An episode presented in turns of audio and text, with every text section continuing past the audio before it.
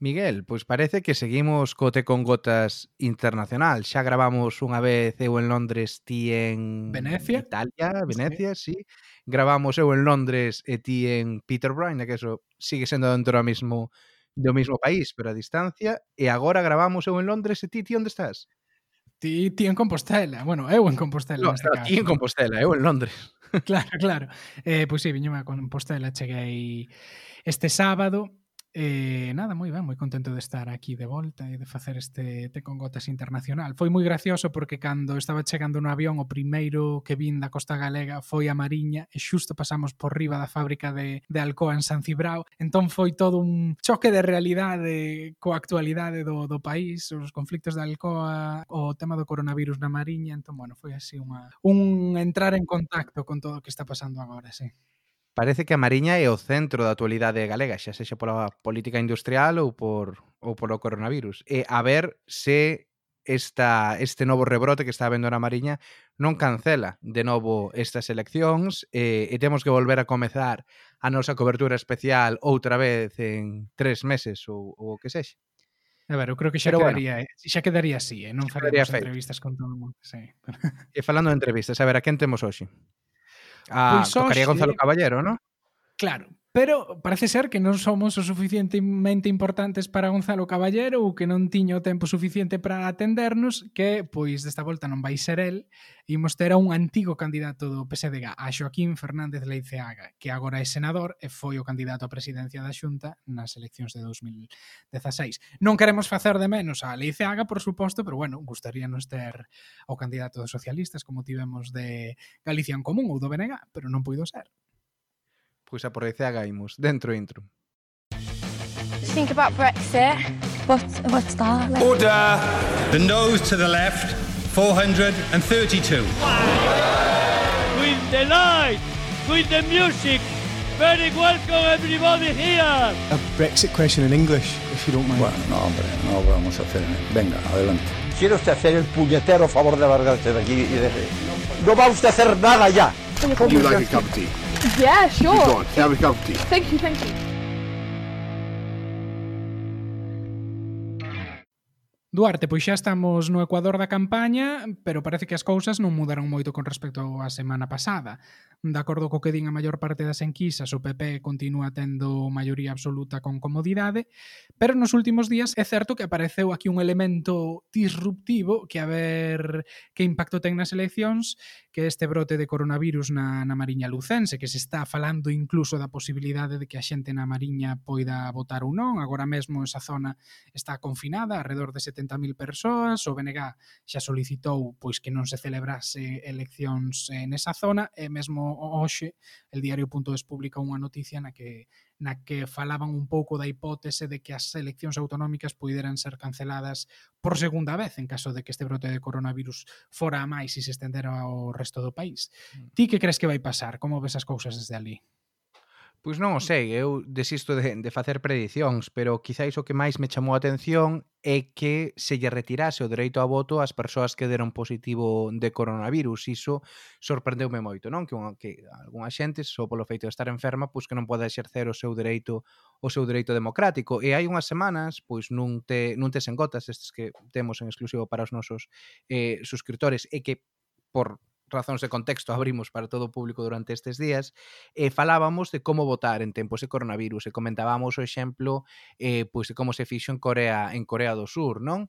No cal, pois, eh, se a unha persoa estaba hospitalizada ou daba positivo de coronavirus, pois tiña facilidades para emitir o voto dese hospital ou desde onde fose. Mesmo na porta dos colexios electorais, se dabas que, tiña, que tiñas febre, ías votar pois nun sitio apartado. Sorpréndeme que no caso da Mariña non se estén eh, experimentando ou pensando en medidas deste tipo e que se recorra a retirar o dereito a voto a, a estas persoas que, bueno, pois iso un pouco así cos ollos, cos ollos como a pratos.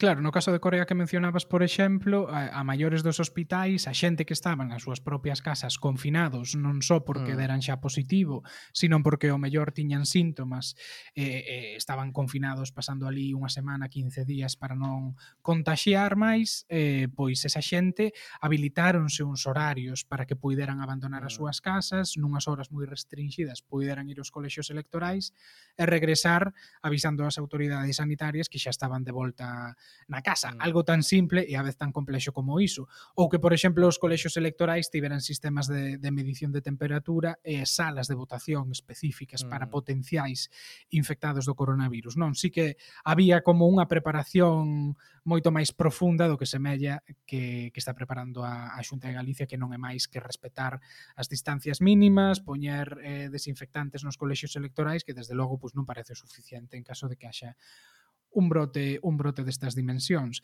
Pero bueno, claro, o que se preguntará todo o mundo é eh, ata que punto isto está afectando as eh, intencións de voto nas enquisas que saíron últimamente. Entón, bueno, temos datos novos con respecto á última semana, temos esa, ese tracking diario de sondaxe que se publica en La Voz de Galicia, pero tamén temos outras enquisas que andan por aí e que din que de momento non cambiou non cambiou demasiado, non? Que non está tendo nin moito efecto brote, nin tampouco se notou moito efecto do debate da pasada semana, non non tivo así un, un cambio de voto moi importante.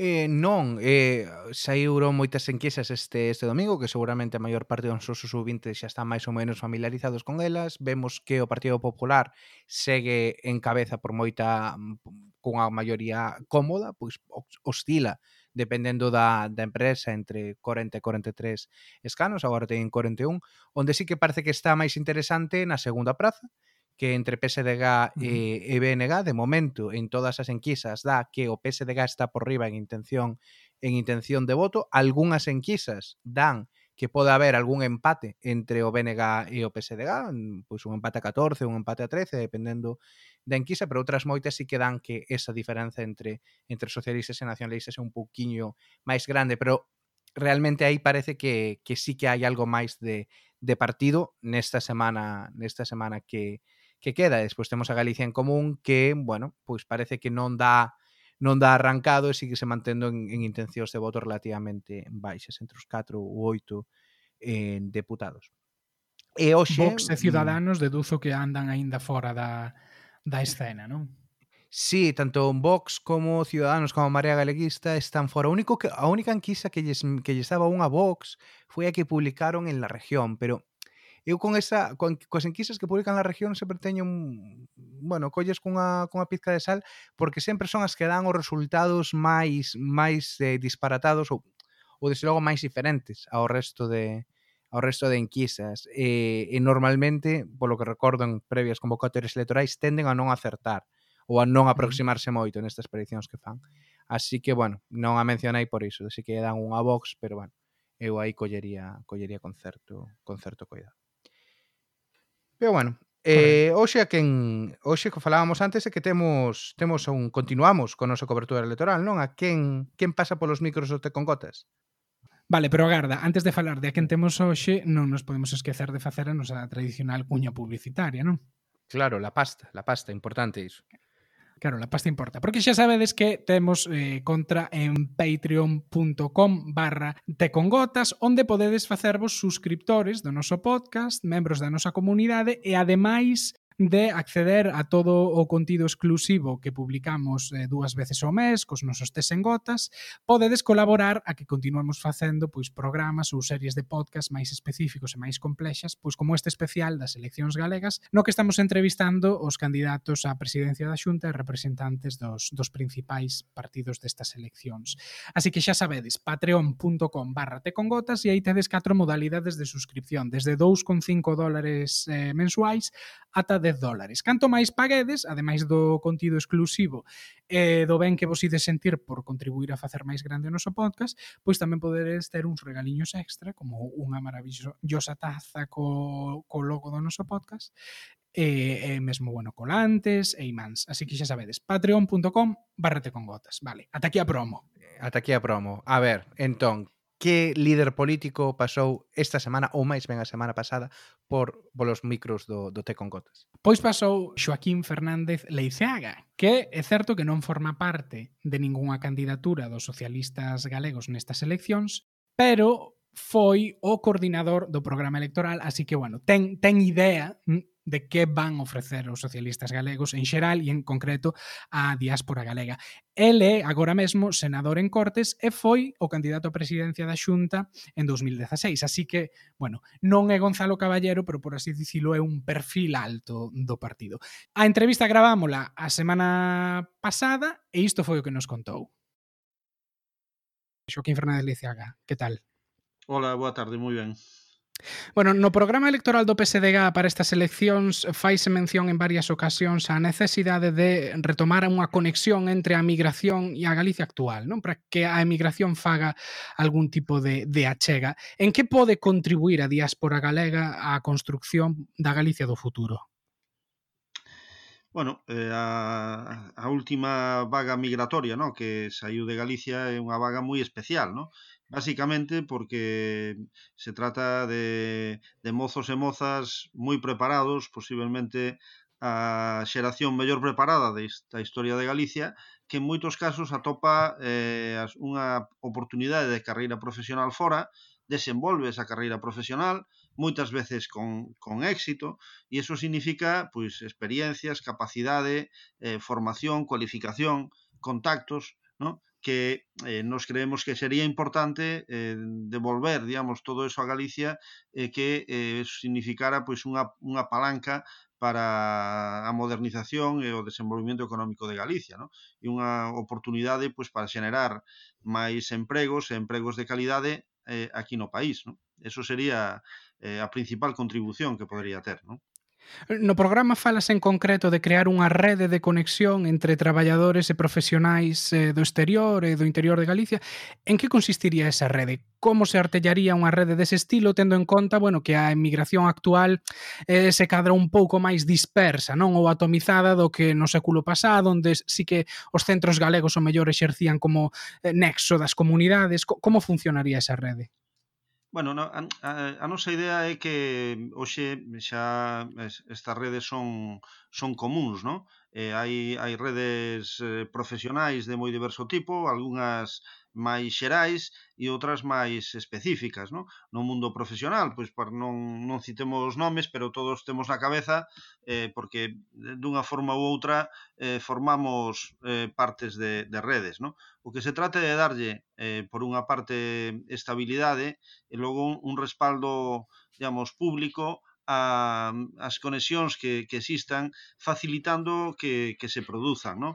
E, e neste sentido, pois a, a nosa idea pois é, é, é partir pois de, de experiencias que xa existen no ámbito académico ou no ámbito social de, de redes que funcionan e que permiten pois sumar esforzos e, e poñer en comunicación eh, capacidades que como ben decías, pois hoxe en día están dispersas polo mundo, non? Se trata de facilitar eh procesos asociativos que teñan a un lado e outro pois un, un interese común, unha vinculación común que é a súa conexión con, con Galicia, non?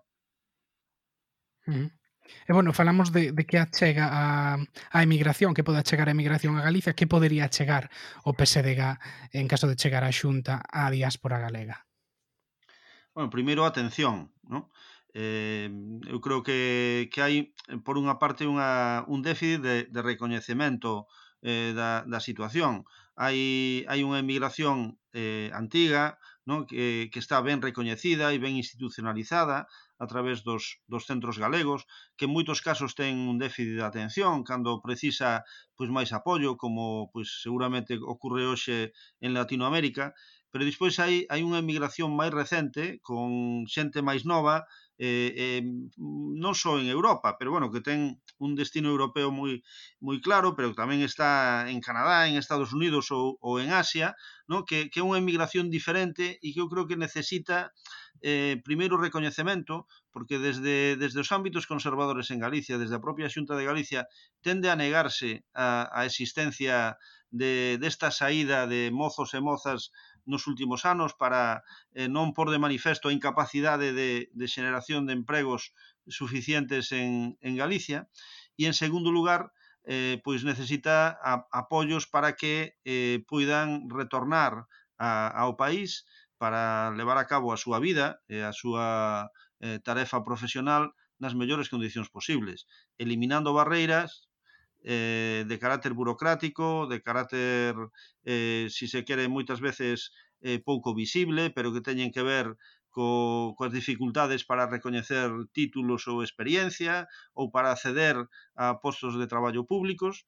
E en segundo lugar ademais de eh, eliminar, digamos, estos obstáculos, facilitar as cousas con programas diversos que poden ser desde, eh, en fin, algunhas axudas para un primeiro establecemento de unha iniciativa eh, de carácter empresarial ou para eh, impulsar un, un proxecto eh, innovador ou un, un, fin, un proxecto emprendedor, eh, pero tamén eh, poden ser axudas eh, eh e apoios de outro tipo, como pode ser facilitar digamos, información que permita pois, volver a situar en Galicia pois, un, unha, unha actividade calquera que sexa. Non? Eh, no programa falades eh, de Plan Retorna. Eh, bueno, Plan Retornas agora mesmo é verdade que hai que hai moitos, a Xunta ten un, o goberno do Estado eh, ten outro que, apro que se aprobou co, co, este, co actual goberno de, de Pedro Sánchez. Eh, todos os partidos levan algo no programa. En que se diferenciaría o Plan Retorna do PSDG do que se pode ofrecer no Estado ou do que poden ofrecer outros partidos? Bueno, nos, nos partimos de, de que hai hai cousas que están deseñadas que están que van na boa dirección, non? Casi todos os plans están diseñados e van na boa dirección, nós queremos engadirlle eh, dúas cousas. Primeiro, un, un traballo eh, de carácter sociolóxico máis científico, de eh, coñecer cales son eh, as características e as necesidades que teñen pois, as, as persoas novas ou, maiores, pero sobre todo novas que están hoxe eh, emigradas fora de Galicia e que eh, podrían ter interés en volver, non, non actuar completamente a cegas, senón eh, tendo unha información máis precisa e hoxe é posible facelo con, eh, con escaso digamos, es, esforzo en recursos e en tempos. No? Seguramente, eh, e xa, a mí me chama moito a atención tamén profesionalmente, que a emigración galega sexa unha gran descoñecida. Desde hai anos, non hai estudos, non sabemos quen son, non? nin sabemos a que se dedican e que, que é o que están facendo ou pensando. Non? Eh, eso sería un, un primeiro aspecto que eu creo que permitiría perfilar mellor as políticas. Non? As políticas públicas, para ser eficaces, teñen que estar ben definidas sobre tendo un pé, digamos, na, na propia realidade.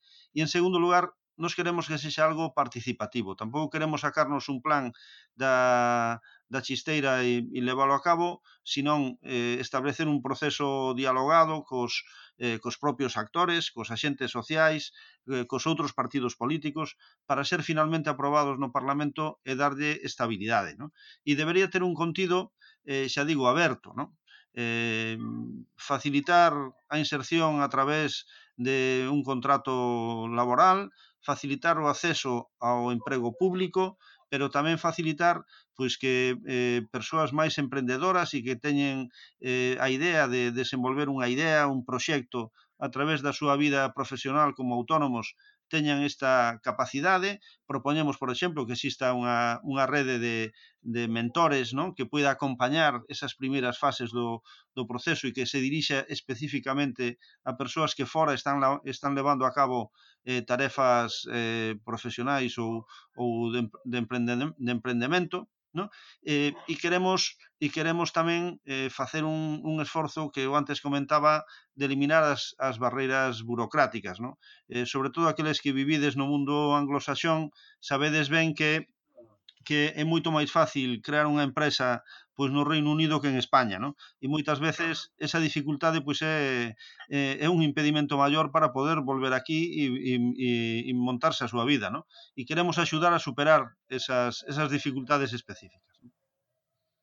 Xa que o mencionas como economista, a que crees que se debe esa diferenza eh, entre a cultura anglosaxona e a un país como o Estado español, Galicia, nesa diferenza das trabas burocráticas? Bueno, isto seguro que ten razóns eh, históricas moi eh, moi importantes, non? Eh, que teñen que ver pois co, co existencia pois dun eh, máis máis naturalizada, digamos, do, do liberalismo, non? E do que significa o mundo da empresa no eh, no mundo anglosaxón frente a, digamos, a un, a un maior recelo eh, diante deste mundo que está máis presente nos, nos países que algúns chaman latinos, non? Hai unha diferencia cul eh, cultural de base que impregna tamén a, eh, o marco ordenamento xurídico, non? E que fai que eh, no, no caso español, como seguramente no, no portugués, no italiano, no francés, ainda que os portugueses avanzaron moito noutra dirección, eh, pois eh, sexamos máis garantistas, non? E eh, menos permisivos, non? Eh, que nos fiemos menos, digamos, da responsabilidade dos dos outros e optemos máis por eh, colocar xa a priori, digamos, os, os obstáculos que hai que superar, non? Eh, bueno, son, son dous modelos que dan lugar a, a, a situacións diferentes. Un facilita máis a liberdade de empresa, outro seguramente protexe mellor pois al, algúns dereitos, no? E por tanto hai que chegar a un, a un equilibrio entre ambos e tamén eh, saber en cada momento como pois eh, a, a propia tecnoloxía eh, pois permite eh, mellorar as cousas, no? Eh, hoxe é máis fácil que nunca eh, ter coñecemento das, eh, das repercusións que ten eh, determinadas decisións em, empresariais, non? e, por tanto, seguramente é máis fácil tamén eh, facilitar eh, os trámites para que se podan poñer en marcha e, en todo caso, penalizar aqueles comportamentos inadecuados. Non? Uh -huh. Comentabas antes que a nivel sociolóxico se sabe moi pouco da emigración galega en noutros países en Europa. Eu miraba hai pouco os datos eh, do propio Reino Unido sobre a emigración do Estado español e eles aquí, a administración calcula que entre o ano 2009 e eh, a actualidade viñeron en torno a, aumentou a poboación española en torno a 100.000 persoas no, no Reino Unido maioritariamente novos. Claro, esta é xente que nos últimos 10 anos estivo ou estivemos desenvolvendo carreiras profesionais eh, con maior ou menos éxito eh, no Reino Unido. Como pode Galicia crear postos de traballo que sexan atractivos máis alá do simple valor sentimental de querer volver a, ao teu país, ao tua casa. Como pode crear postos de traballo da calidade suficiente para que esta xente que está desenvolvendo eh, a súa carreira profesional nun país moi innovador queira tamén volver? Si, primeiro un, un apunte, non? Eh, as cifras que indican que eh, bueno, si, si, si supoñemos que en fin, hai eh, 5.000 galegos non? Nesa, nese conxunto de 100.000, eh, vos daredes conta que non estamos falando de grandes contingentes. Non, non, hai, non hai tanto un problema de número de cantidade como un problema de calidade. Non? E eu creo que isto eh, isto é, se pon de, de manifesto eh, si pensamos non só pois, no Reino Unido ou en, fin, en Francia, en Alemania, etc., sino incluso se si pensamos en Madrid ou en Barcelona, no? que son os grandes eh, os grandes territorios creadores de emprego nos últimos anos en, en España. No? Tamén vemos que aqueles que de Galicia marchan ali pois son normalmente xente con boa cualificación, con boa eh, formación e que, e que están situados, digamos, no nivel alto da, da pirámide de, de actividades, ¿no? Mentras que en Galicia pois é máis fácil atopar pois inmigrantes que proceden de, eh, en fin, mesmo de outros lugares de España ou de Latinoamérica ou do, ou do Magreb, pero que eh, desenvolven eh, traballos con menor cualificación, menor salario e seguramente menor capacidade de progresión profesional. Eu creo que aquí está a clave, non? eh, a clave está nesto, decir, eh, as, eh, as, os servicios a empresas, eh, os servicios avanzados, no? en xeral, eh, os, as industrias creativas, pois tenden a concentrarse. Non?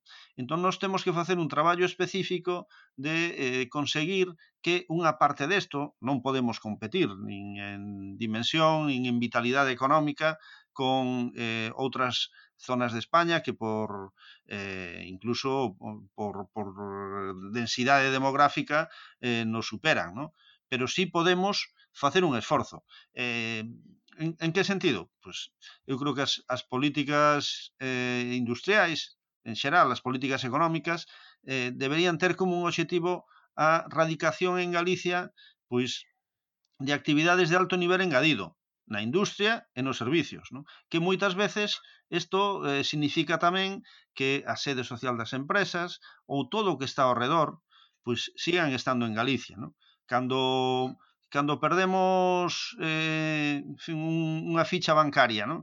como ocurriu nos últimos anos, eh, o problema non está tanto no acceso ao crédito, que tamén, como en que se produce unha concentración das, eh, do poder económico da, fin, da capacidade de xeración de alto nivel engadido pois en, en zonas de España que non son Galicia, non? E iso é un problema. Mm. Entón hai que facer, hai que meter isto, digamos, na, no diagnóstico e facer un traballo específico para eh, conseguir que se radiquen en Galicia este, este tipo de, de industrias, utilizando eh, o poder que ten a administración pública, que é limitado, pero que, eh, que, sí, que sí existe. ¿no?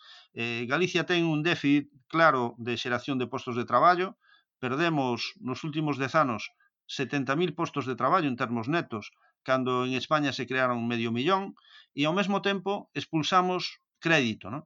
E, por tanto, eh, estimular Pois, por exemplo, perfilando mellor o sistema fiscal. Non? Eh, o, os procesos de investimento en Galicia é básico. Non? E despois deben ter esta, esta dimensión. E logo hai, hai outro elemento non? Eh, que conecta con isto que eu decía antes. Eh, en Galicia somos 2 millóns e pico de persoas, non? e, e estamos eh, dispersos pero eh, existe unha, un continuo non que vai desde Ferrol hasta a fronteira portuguesa donde se concentra boa parte da poboación e da actividade non? pero eh, isto non funciona como un elemento de atracción unitario non? e temos que conseguir poñer sobre a mesa isto, facilitar digamos que eh, isto eh, que somos se exprese unitariamente porque teremos máis capacidade de, de captar talento e de captar eh, esa dimensión empresarial que agora perdemos. Non? Ás veces cando se escoita falar desde o mundo da política, pois eh, cambiar o modelo productivo, se fala de todas, eh, bueno, pois esta aposta por empresas máis innovadoras, depender menos de sectores con menor valor engadido, semella que son cambios que se poden facer moi rapidamente. E eu creo que ás veces ata certo punto poden xerar frustración se chega un goberno, pasa unha legislatura e non se ven os cambios de forma tan tan real. Eh, catro anos de goberno do PSDG poderían facer notar un cambio nisto ou a, é algo do que hai que sentar as bases, pero que non se van a ver os resultados máis a longo prazo, máis a 10, 20 anos vista? Eu, eu creo que sí, se poden eh, sentar as bases e se pode notar, non? Eh, poño un exemplo, non? Eh, que ten que ver co, coa investigación, non? Eh, nos últimos anos non se crearon en Galicia postos de investigadores, en todo caso se perderon, non? Houbo unha, unha falla de aposta por impulsar eh, o I máis D máis I, tanto no mundo universitario como sobre todo no mundo no mundo empresarial, ¿no? Se si falamos do mundo universitario, eh pois eh, temos exemplos de cousas que funcionan, ¿no? Funciona eh pois o o ICREA en no en Cataluña, funciona o Iker Basque en eh, no País Vasco e non temos por que non impulsar eh, co, coa nosa dimensión e coas nosas capacidades eh, institutos similares aquí que van a ter un reflexo moi rápido, non? E que o que significa é eh, captar talento en base a resultados. no? e con un efecto eh, acumulativo, non? Decir, unha financiación pública, pero unha financiación pública que vai estar sometida primeiro a criterios de, de excelencia e, en segundo lugar, orientada a conseguir máis financiación externa que permita liberar esos recursos iniciais para outras cousas e seguir crecendo, non? E que nos permita situarnos en, de maneira competitiva pois nun mundo que é moi dinámico e donde seguramente canto menos burocracia eh, teñamos, canta máis podamos evitar, mellor, non? En Portugal están impulsando eh, instrumentos de colaboración entre o mundo universitario e o mundo empresarial a través de fórmulas mixtas que están funcionando tamén. E temos que, sin complexos, ser capaces de traer a Galicia aquilo que funcionan en outros lugares. Non? Estos son cosas que, que teñen un efecto a curto e medio plazo, pero que para desenvolver todas as súas capacidades, os procesos sociais e os procesos de, de creación, digamos, pois necesitan necesitan o seu tempo, non? Algo parecido sucede pois no ámbito eu creo da, da creación, non? Temos enorme talento, non? En, de actores, de guionistas, de directores de, de cine, non? que é outra industria que temos que mimar, non? Eh, o que mm, eu creo que se bota en falta nestes últimos anos é eh, o apoio público, como si houbo pois na época do, do goberno de Touriño, para financiar non completamente, pero para financiar parcialmente proxectos que poidan darlle máis dimensión a, a esta, fin, a esta industria. No? Eu creo que aquí temos outra oportunidade tamén, porque isto ten un efecto eh, arrastre moi significativo sobre outros sectores. No? Uh -huh. Eh, outro asunto, outra preocupación moito máis mundana que a do emprego, pero bueno, importante tamén para as comunidades migradas, especialmente aquí no Reino Unido, ten que ver coas conexións. E neste caso, estar nunha illa coas conexións aéreas moi especialmente. Porque, bueno, pois sí que vemos que hai problemas eh, non só de frecuencias, senón tamén eh, de prezos, non é doado atopar billetes para voltar a casa eh, pois un pre a uns prezos tan asequibles como xa non a outras eh, cidades como Madrid ou Barcelona, sino algo moito máis próximo como o Porto, onde hai moita máis variedade de frecuencias, precios moito máis asequibles, cando pois hai un par de décadas ese aeroporto non estaba tan tan desenvolvido, non? Algúns temos a sensación de que aí Galicia perdeu un pouco a oportunidade de ser a referencia aeroportuaria do noroeste español. Pódese eh, facer desde a Xunta de Galicia algún tipo de traballo para coordinar os tres aeroportos que temos e mellorar eh, pois os servizos e as conexións aéreas eh, que ofrece Galicia agora mesmo, non só os emigrados, sino tamén as nosas familias cando queren ir a visitarnos, non? Sí, eu creo que hai, primeiro, hai eh, hai un ámbito que é responsabilidade das, das compañías que prestan pois, ese servicio, non? que son compañías aéreas que teñen as súas, as súas estrategias, que compiten entre sí e que toman decisións que teñen como eh, como objetivo, diríamos, maximizar os seus beneficios, ¿no? porque senón non, non funcionarían. E que, e que acaban tendo pois, un, eh, digamos, eh, acaban tomando, tomando decisións de voar a un ou de outro sitio eh, tendo en conta as súas perspectivas de, de demanda, o que fan os seus competidores, etc. Eh, se pode actuar aí? Bueno, dentro do marco europeo que restringe eh, as axudas de Estado, pois é posible facer algunhas cousas e contribuir pois moitas veces a persuadir as compañías para que manteñan de, determinadas conexións ou para que ordenen, digamos, o que o que están facendo, ¿no? E en segundo lugar, eh, pois temos a, a xestión das infraestructuras aeroportuarias, ¿no? que en España hoxe está en mans de, de AENA, que é unha empresa eh, pública dependente pois, do, do goberno de España e que eu creo que non estaría mal que, como ocurre noutros ámbitos do transporte, pudera haber unha, unha participación autonómica eh, ou mesmo municipal no? na xestión destas infraestructuras, no? que eh, permitiría pois, facer eh, un, un traballo de, de axuste mellor no? as, as necesidades de cada territorio. Decir, eh, temos tres aeroportos, pois seguramente se si hoxe nos volveramos atrás eh, pois eh, tomaríamos outro tipo de decisións, pero o investimento está feito, funcionan e cada un pois ten que prestar un servicio eh, pois adecuado ás súas potencialidades e, a, e ao territorio no que está, non? Dicir, pois, eh, hoxe para Vigo pois é importantísimo o que sucede en Peinador, non? Pero tamén teño que decir que eu vou de calquera dos tres con, con igual, eh, digamos, satisfacción e sinto que os tres forman parte da, da oferta que teño a miña disposición. Non? Entón, neste sentido, pois eu creo que, que ordenar esa oferta e facer que sexa máis útil para eh, favorecer as conexións non só para os emigrados, sino tamén para atraer eh, visitantes a Galicia non? e poder sair nós a facer visitas a outros lugares, pois forma parte tamén das tarefas da Xunta de Galicia. Non? E eu non descartaría pois, que se gobernamos establecer al, al, algún, eh, algunha negociación co goberno de España que, para que poidera haber unha, unha participación autonómica na xestión aeroportuaria. Bueno, e non sería un podcast de migración se non falásemos en algún momento de voto migrante e de voto rogado. E xa comentamos neste podcast en varias ocasións, o actual sistema do voto rogado foi impulsado polo Partido Socialista, o Partido Popular, o BNG, e hai xa, bueno, creo que casi uh, nove anos, e para un pouco combater as situacións de fraude que se daban en moitas eleccións, particularmente no, eh, no caso galego. Agora o Partido Socialista eh, no Congreso hai cuestións dos meses, presentou unha iniciativa xunto con Podemos para eliminar o voto rogado e introducir un novo un novo sistema. Que medidas crede, crees que habería que tomar para eh, limitar, digamos, o, o risco de fraude que, que, pues, que tanto afectou as, eh, aos procesos electorais eh, en Galicia nas últimas décadas? Sí, vamos eu creo que o, o risco de fraude estaba basado en que non existía digamos, un control adecuado da, da identidade daquel que eh, depositaba o, o voto, non? Entón, eu creo que hai que garantizar que exista este control adecuado por unha vía ou por outra, non? Eh, o voto rogado ten a enorme dificultade de que eh, obriga a, a un esforzo adicional a, aqueles que están fora, no? moitas veces que vai máis alá, digamos, do que é, é pedible, digamos, o que se lle pode pedir eh, que faga un cidadán aínda que sexa responsable, no? E isto acaba desestimulando en exceso o, eh, o voto, non? E así, pois vemos que hai un descenso moi notable da participación electoral do, da emigración pois, nos, nos procesos en, en Galicia, No?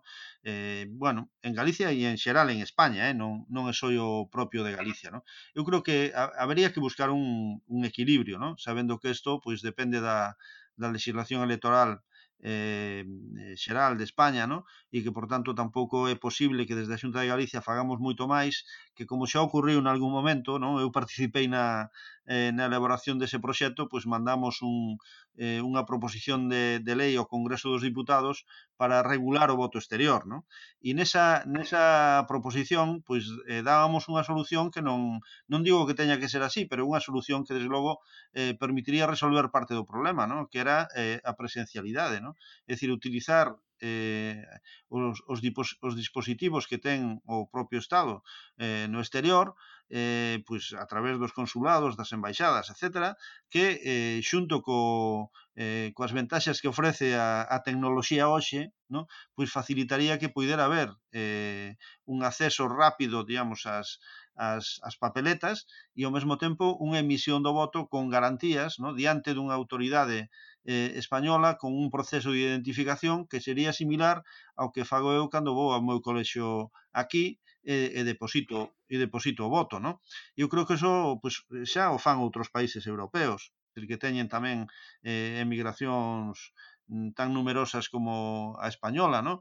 por exemplo, Italia, ¿no? e, e eu creo que sería unha forma adecuada de resolver, digamos, esta, eh, esta doble condición, ¿no? facilitar a participación electoral, porque eh, eu creo que eso forma parte, digamos, dos, eh, dos vos usos democráticos ou dos fundamentos mesmo da democracia, pero ao mesmo tempo evitar que eh, poida eh, haber fraude no voto, non? Porque eso distorsiona xustamente os procesos democráticos, non? Uh -huh.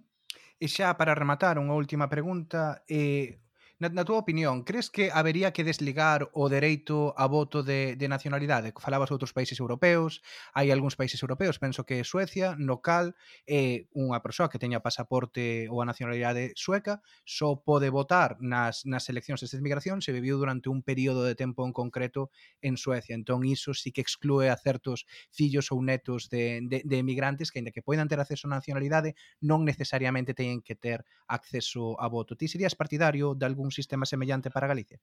Bueno, eu, eu creo que temos que decir, que este é un asunto controvertido no que non, non hai, eu creo que nestes momentos unha eh, un consenso eh, total nin, nin no PSDG nin creo eu no conxunto das forzas eh, políticas en Galicia, sino que hai moitas eh, opinións diferentes. Non? Eu distinguiría, eh, por unha parte, entre a, a nova emigración, non? que, que de, de xente que foi creada, criada en Galicia, que estudou en Galicia, que traballou moitas veces aquí e que se desplaza eh, a, a facer unha, unha vida fora pero que volve con frecuencia e que ten, digamos, as súas, as súas referencias non só sentimentais, senón vitais, non? No, no propio país e que ten moitas veces eh, en exclusiva a nacionalidade española, é, dicir, é galego de nacionalidade española e nada máis, non? E eu creo que cando se dan estas circunstancias non hai dúbida de que eh, deben ter eh, un dereito pleno a, a participación política, incluído pois, o dereito a voto ou a presentarse eh, ás eleccións, a mí me, me suscita máis dúbidas a, aquela situación en que hai pois unha doble nacionalidade e moitas veces os, os vínculos eh, con España pois non son ni siquiera personais, sino que se, se remontan pois a, a, unha, a unha ou dúas eh, xeracións anteriores, no? que eu neste caso, eh, pero aquí xa falo a título personal, eh, eu, eu aplicaría un criterio parecido ao das seleccións de fútbol, no? un pode xogar con un país eh, ou con outro, e iso é voluntario e un elixe, no? pero non pode xogar cos dous a vez, non? Porque eso eh, eu creo que sería unha prima, digamos, de, de participación que tampouco tampouco me parece razonable, non? Eh, eu creo que o sistema europeo de que un vota nas eleccións municipais ou administrativas ali onde reside, con independencia de cal sexa a súa nacionalidade, é correcto, non? Eh, me parece razonable que, que poidades participar os que vivides en Londres, non? No deseño da, da política municipal de Londres, porque é a vosa vida, non? Pero eh, eu creo que nas eleccións políticas pois, habría que aplicar un criterio deste tipo, non? E si, e si un, eh, pois, por exemplo, non? Eh, participa nas eleccións que elixen a, ao presidente ou presidenta de, de Argentina, por exemplo, non creo que, que deba ao mesmo tempo e de maneira simultánea pois participar en España. Cuestión de, distinta sería pois que se traslade a España, ¿no? E en ese caso, pois parece claro que tendo a nacionalidade española ten todo o dereito do mundo, ¿no? Pero unha ou outra, ¿no? Me parece que eso sería o máis razonable. Pois con esta reflexión quedamos, Joaquín Fernández Leiceaga, moitas grazas. Nada, gracias a vos. Pois isto foi o que nos contou Xoaquín Fernández Liceaga e desde aquí queremos que conste, que conste en acta o agradecidos que estamos a Aliceaga pola paciencia que tivo con nós. Esta que conste que é a segunda entrevista que lle fixemos, porque a primeira pois borrouse eh, por un, un problema informático, a nós isto serviunos pois para aprender e agora sempre gravamos con copia de seguridade, pero tivemos que quedar con el unha hora despois a primeira entrevista para regravar eh, e volver a facerlle as mesmas preguntas que fixéramos a primeira vez. Entón, pois, bueno, el tivo moita paciencia con nós, así que creo que compre en darlle as grazas a, a Xoaquín Fernández Leiceaga pola, pola, súa, pola súa paciencia. Pois sí. E agora tocaría falar do programa electoral do PSDG, Pero como puideches ver nas preguntas, esta foi a primeira entrevista deste especial eleccións que fixemos no que xa sabíamos o programa electoral do PSOE porque xa fora publicado. Daquela imos falar un pouco das, das medidas ou da, do que comentou que nos chamou máis atención, máis na liña do que facemos nos nosos té con gotas habituais. Así que, Duarte, por exemplo, a ti, que foi o que máis te chamou a atención ou o que máis te gustou do que dixo Leiceaga? Ah, pois houve unha cousa que me chamou particularmente a atención e que creo que se diferencia un pouquiño máis dos das propostas que fan outros partidos de esquerda, como xa escoitamos pois a, a Gómez Reino ou a Pontón, que esta rede profesional ou estes digamos, contactos casi de, de coaching ou de mentoring entre eh, persoas ou profesionais que están emigrados e profesionais que están que están en Galiza. E, bueno, cando estaba contando iso, penso que algo quizáis no que co cal nos podemos sentir identificados moita xente que levamos xa tempo eh, fora, que unha das dificultades que podemos afrontar é a falta de contacto cos entornos profesionais no noso país de, de orixe, porque, bueno, desenvolvemos as nosas carreiras fora e non sabemos pois que se coce, entón, pois esta pareceme unha proposta un pouco un pouco única.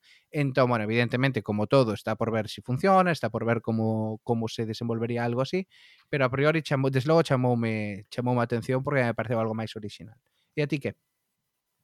Pois, pues, bueno, estou bastante de acordo con iso. A min gustoume o punto que tiña de profesor de economía aplicada cando se falaba de como se pode cambiar o modelo productivo de Galiza, algo que escoitamos tantas veces, pero realmente non sabemos de forma tangible a que se refiren os, os políticos cando falan diso eu voto en falta eh, análises ou propostas como, como as que fixo Leizaga na entrevista dicindo, bueno, pois que isto non, iso non é algo que vai a cambiar eh, do día para a noite, non é algo que en 4 anos se poida cambiar radicalmente, pero sí que en 4 anos, pois con algunhas das propostas que, que fixo relacionadas pois, con institutos de innovación, de atraer talento, de investimento en innovación, que sí que se poderían facer sentar as bases, non, dese cambio eh, de, cada, de cara ao futuro. Entón, eu é algo que particularmente me renxe ás veces cando escoitas falar diso de cambio do modelo productivo e realmente non sabemos do, do que falamos e, e eu creo que hai que dicilo abertamente, pois despois de tantos anos no que este país se, dis, se desindustrializou e se de, descapitalizou de tal forma, Isto vai levar tempo, vai levar tempo, pero hai que comezar a, a sentar as bases para, bueno, pois comezar o camiño de, de reindustrializar e, e, e recuperar ese tecido productivo que se perdeu. Así que gustoume ese punto de experto de, de economía aplicada que eu creo que ás veces cando se fala destes asuntos se vota bastante bastante en falta. Quizáis nese tema hai máis coincidencia entre entre todas as candidaturas da esquerda, polo menos a sensación que me dá logo de ler os programas e de falar co eh, cos líderes dos partidos. Eh, quizáis agora mesmo todos concordan en que fai falla un investimento moito máis significativo en, en innovación, en investigación, etc., que é algo que conste que xa eh, se retrotrae aos tempos do, eh, do bipartito e que quizáis pois, foi caendo un pouco durante durante os gobernos de, de Feijó. Pero bueno, aquí aí sí que vexo un pouco máis de, de similitudes entre entre partidos da esquerda. E a min outra cousa que tamén me, me, me gustou, me chamou a atención do que dixo Leiceaga, é recoñecer un feito eh, tan tan claro e dramático como real, que é que non sabemos moito da de quen é a nova a nova emigración. Hai moi pouco pues sí. estudo sociolóxico, moi pouco dato para saber quen que tipo de persoas están fora, cantos son, eh, que impacto cuantitativo e cualitativo ten sobre a economía galega. Entón, a idea de que se, bueno, se intente averiguar un pouquiño máis sobre quen é a emigración a emigración galega ou a nova emigración galega pareceríame eh, fantástico, é algo do que realmente a mí me gustaría saber máis, pois como como xornalista, como emigrante e como friki dos datos. Uh -huh. Pois sí. Pois ata aquí o noso episodio de hoxe. Esta semana xa vedes que un pouco especial, saímos en martes en lugar de en mércores como de costume, pero é a semana a última semana antes da cita coas urnas e por tanto imos ter ración doble de té con gotas, porque o xoves entrevistaremos como representante do Partido Popular a Antonio Rodríguez Miranda, que é tamén secretario xeral de Migracións, así que seguro que ten moito que dicir e está moi relacionado pois coas preguntas que estamos a facer sobre que achegan os que, que ofrecen os partidos á diáspora galega no exterior. Así que o xoves xa estará finalizada esta serie especial de podcast eh, entrevistando os principais partidos E nada, xa sabedes que podedes darnos feedback, darnos a vosa opinión sobre os nosos podcasts ou seguir as nosas análises eh, semanais que facemos da actualidade británica e agora algo máis galega a través das nosas redes sociais, de Twitter, de Facebook e tamén de Instagram. E, como dicíamos antes, non vos esquezades de que isto pois implica un esforzo extra, non só de tempo, senón tamén de, de recursos, de ter un equipo pois algo máis custoso fa, para facer as cousas con, con máis calidade e que podedes eh, apoiar o noso podcast a través de Patreon, patreon.com barra tecongotas. Escoitámonos o xoves.